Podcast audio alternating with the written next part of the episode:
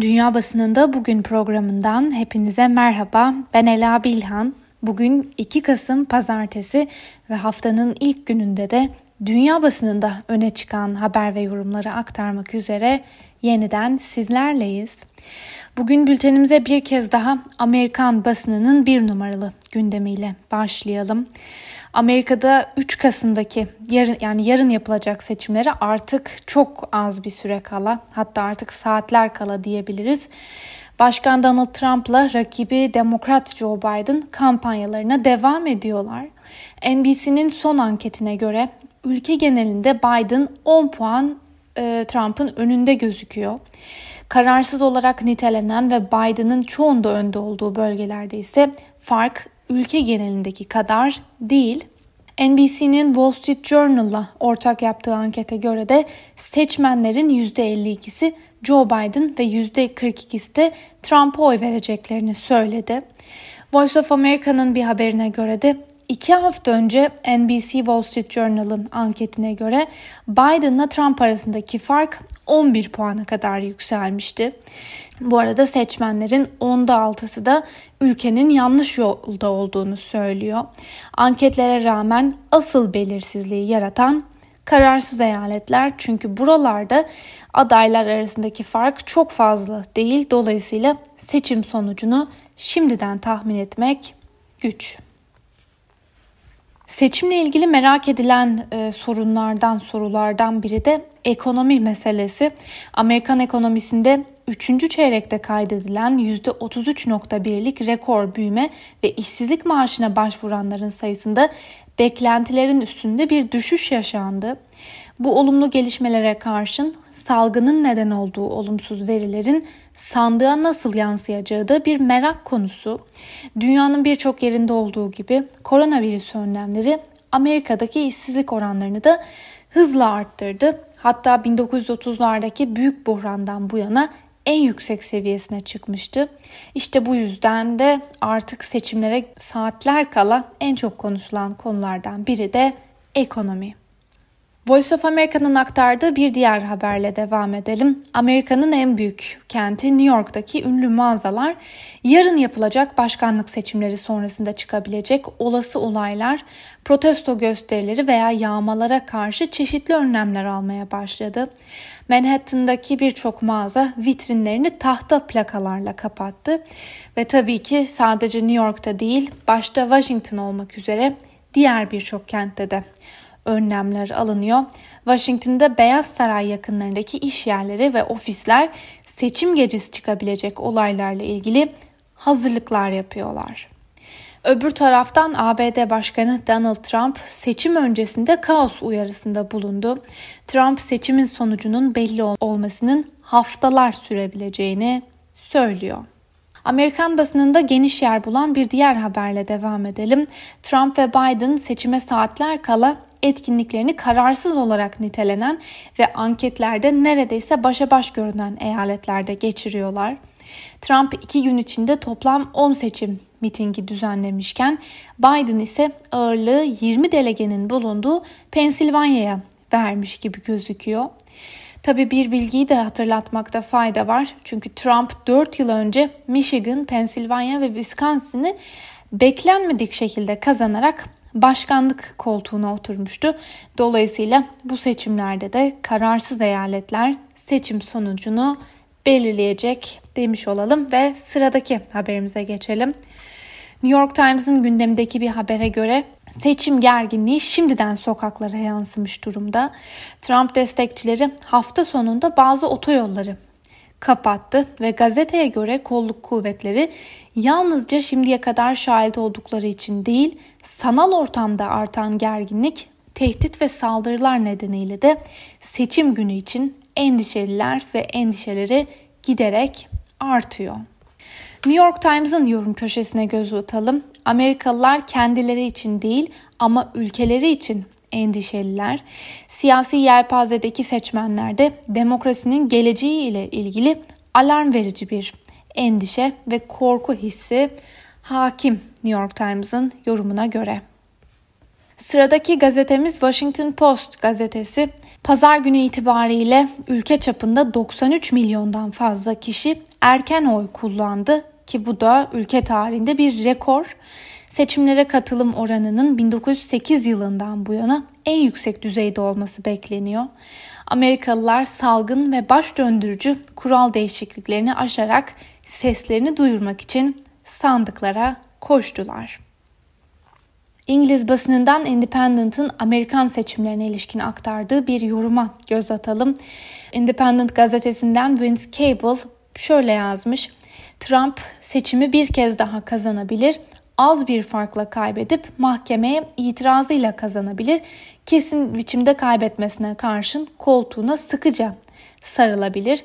Nihayetinde Beyaz Saray'dan çıkarılırsa çok büyük olasılıkla kendi adına etkili bir hareketin liderliğini sürdürecektir. Seçimde ne olursa olsun Trump'ın hayaleti ABD'nin yeni kuşaklarına musallat olacak. Politikacılar görevden ayrıldıklarından sonra uzun süre varlığını sürdüren siyasi öğretiler yaratır. İşte bu yüzden bu başkanın zehirli mirasına kendimizi hazırlamalıyız. Öbür taraftan da Independent gazetesinin deneyimli Orta Doğu muhabiri Robert Fisk 74 yaşında hayatını kaybetti. Irish Times gazetesinde yer alan bir haberde Fisk'in cuma günü felç şüphesiyle kaldırıldığı hastanede cumartesi günü hayatını kaybettiği açıklandı. New York Times gazetesi tarafından 2005 yılında Britanya'nın muhtemelen en meşhur dış haberler muhabiri olarak tanımlanan Fisk, The Independent gazetesi için yazmaya da devam ediyordu. İngiltere'nin bir numaralı gündemi artan Covid-19 vakaları karşısında hükümetin attığı son bir adım. Buna göre İngiltere hükümeti vakaların 1 milyonu aşmasıyla ulusal çaplı bir karantina uygulama kararı aldı.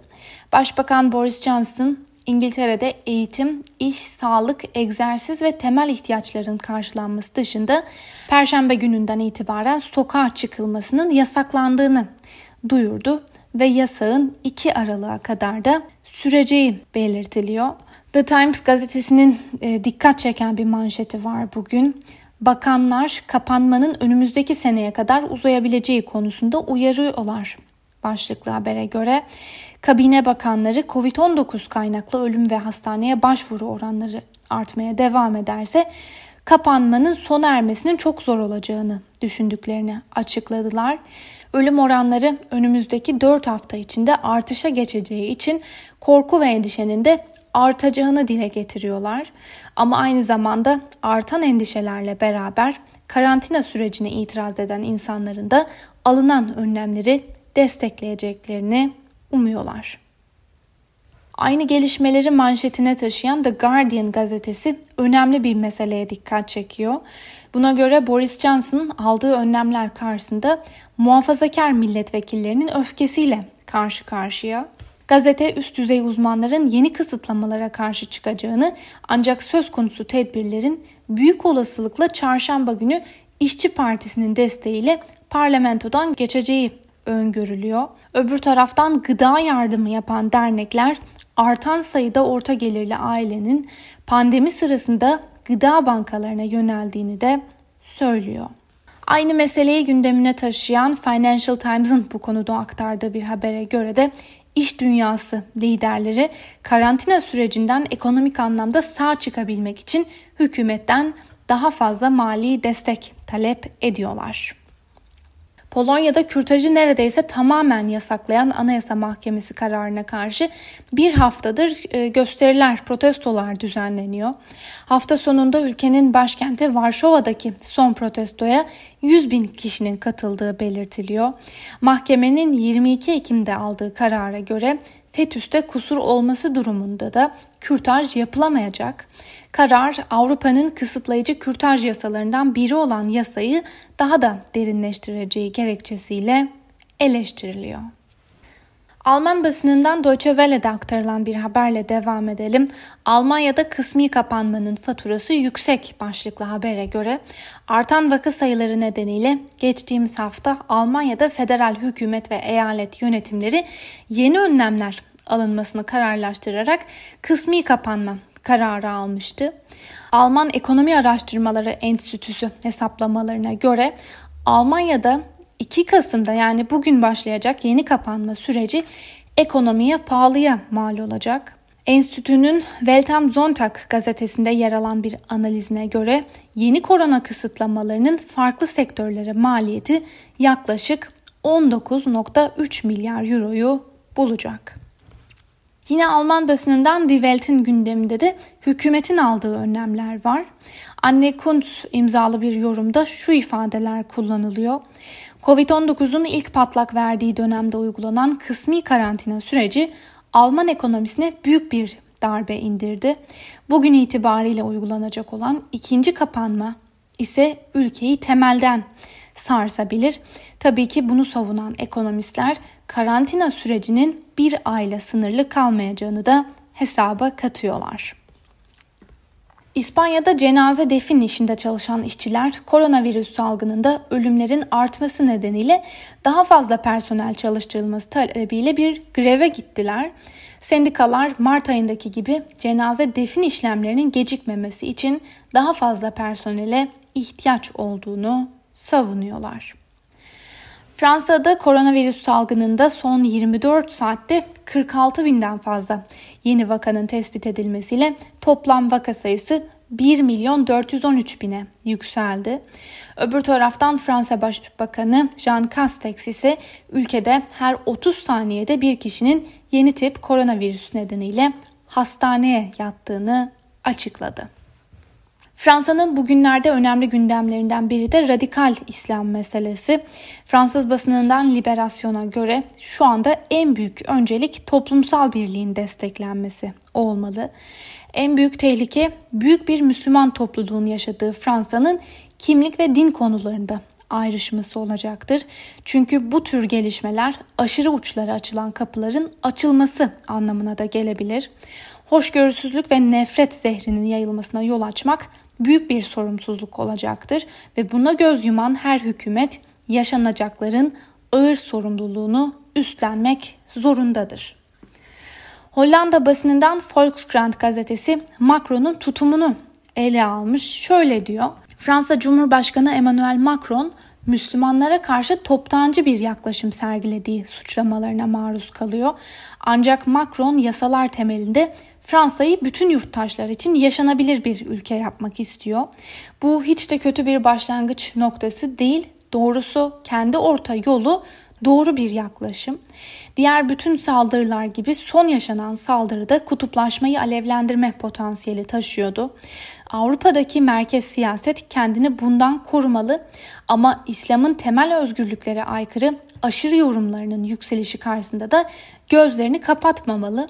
İşte bu yüzden Macron'un tutumu ve atacağı adımlar çok çok önemli.